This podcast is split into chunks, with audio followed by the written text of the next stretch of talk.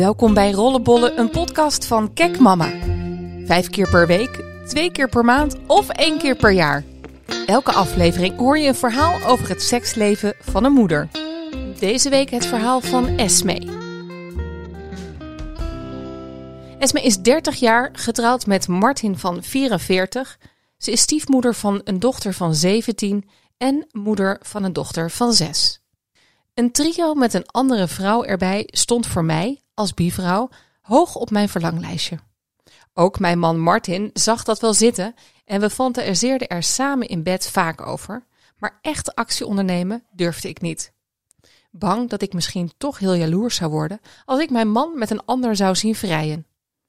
En onzeker. Zou mijn man zo'n andere dame niet veel beter in bed vinden? Of haar mooier en sexier vinden en uiteindelijk zelfs op haar verliefd worden? Het voelde dubbel, want zelf leek het me ook wel weer eens fijn om een vrouwenlichaam te beminnen. Sinds ik acht jaar geleden een relatie kreeg met Martin, de vader van mijn dochter, heb ik seksueel nooit meer iets met een vrouw gedaan. Ik ben trouw in relaties en ik vind seks met een vrouw ook vreemd gaan. Bovendien was er geen noodzaak. Martin en ik hebben een heel goed en bevredigend seksleven. Op een mindere periode net na de geboorte van onze dochter na hebben we eigenlijk regelmatig seks. Sowieso twee keer per week. Martin is meestal degene die begint met zoenen of masseren als de kinderen op bed liggen of in het weekend bij opa en oma logeren. Ik ben het meest inventief. Variërend van sexting, speeltjes gebruiken en lichte BDSM met handboeien, blinddoeken en vastbinden tot verplichte onthouding van een week. Dat laatste hebben we geprobeerd. Moesten we elkaar verplicht elke avond uitdagen, teasen, stimuleren en masseren, maar we mochten niets ondernemen. Toen we na een week weer los mochten, vlogen de vonken er vanaf. Ook heb ik een soort doen durven of de waarheid seksgame gemaakt. Met opdrachten en vragen die ik op papiertjes heb geschreven en in een glazen kom heb gestopt.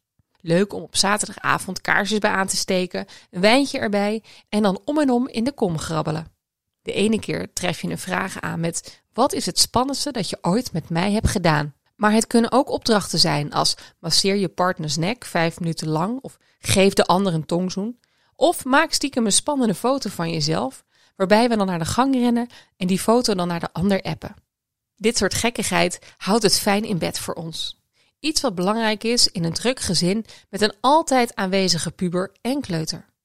Ik merk ook dat als Martin en ik een paar dagen niet vrijen en s'avonds alleen maar voor de televisie hangen, we sneller aan elkaar voorbij lopen en er kleine irritaties ontstaan. Hebben we gevreden, dan voel ik automatisch de verbinding weer. Maar intimiteit zit in meer dan alleen seks. Dat is ook dicht tegen elkaar aan zitten op de bank, hand in hand lopen, kussen of knuffelen en de volle aandacht geven aan elkaar. Voor Martin heb ik een paar keer het bed gedeeld met mijn beste vriendin Doutsen. Dat was altijd heel lekker. Maar op het moment dat ik wat met Martin kreeg, zijn we gestopt met de lesbische liefde. Er is altijd iets van spanning tussen ons blijven hangen, maar we hielden het nu bij andere gezellige activiteiten. Samen winkelen, koffie drinken of kletsen. Ook Doutse heeft inmiddels een verhouding met een man. Alleen is hun relatie meer open. Omdat ze vrij ver weg woont, komt ze regelmatig een weekendje hier logeren. Soms met haar vriend, soms alleen. Ooit had ze al eens lachend geopperd, toen ze hoorde over onze trio-fantasie, dat ze best in zou zijn voor een ménage trois. Maar ik heb dat afgehouden. Hoe aantrekkelijk het idee ook is, de angst heel jaloers te worden of een goede vriendschap op het spel te zetten, mocht het misgaan, hield me tegen. Tot een half jaar geleden. Duitse, Martin en ik hingen met een drankje op de bank en ineens zei ik: Oké, als jullie nu eens met elkaar gaan zoenen, voor mijn neus, dan kan ik zien welke uitwerking het op mij heeft. Als ik het niet trek, dan moeten jullie stoppen. Word ik erdoor gestimuleerd, dan kunnen we overgaan op een trio. Het bleek een fantastische test. Want toen ik mijn beste vriendin en mijn man innig verstrengeld samen zag, wilde ik maar één ding: meedoen. Het voelde helemaal niet gek of bedreigend. Duitse benadrukte ook nog eens dat ik me echt geen zorgen hoefde te maken. Ze vindt Martin een hartstikke leuke vent, maar niet meer dan dat. Ze was niet van plan hem van me af te pakken. Dit was slechts een spannend extraatje. Dat wij zo goed bevriend zijn met haar scheelt volgens mij de helft in dat vertrouwen. Ik lees wel eens dat vrouwen alleen een trio zouden willen met een vreemde, die na afloop meteen weer vertrekt. Maar dat idee staat mij juist tegen. De Houtse kende mijn lichaam al, kende ons als stel en we konden ook eerlijk tegen elkaar zijn. Zo stelde ik als voorwaarde dat zij en Martin, plat gezegd, niet neukten. Alles mocht behalve penetratie. En daar hielden ze zich aan. Het was allemaal super fijn en ontspannen. Ik heb er geen spijt van en ik denk dat Martin en Douds hetzelfde zeggen.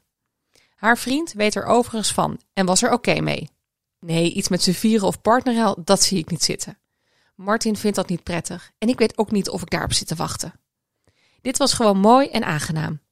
En mocht het nog een keer spontaan met Duitse gebeuren, dan is het oké. En zo niet, dan koesteren we gewoon onze bijzondere vriendschap. En dat was hem weer.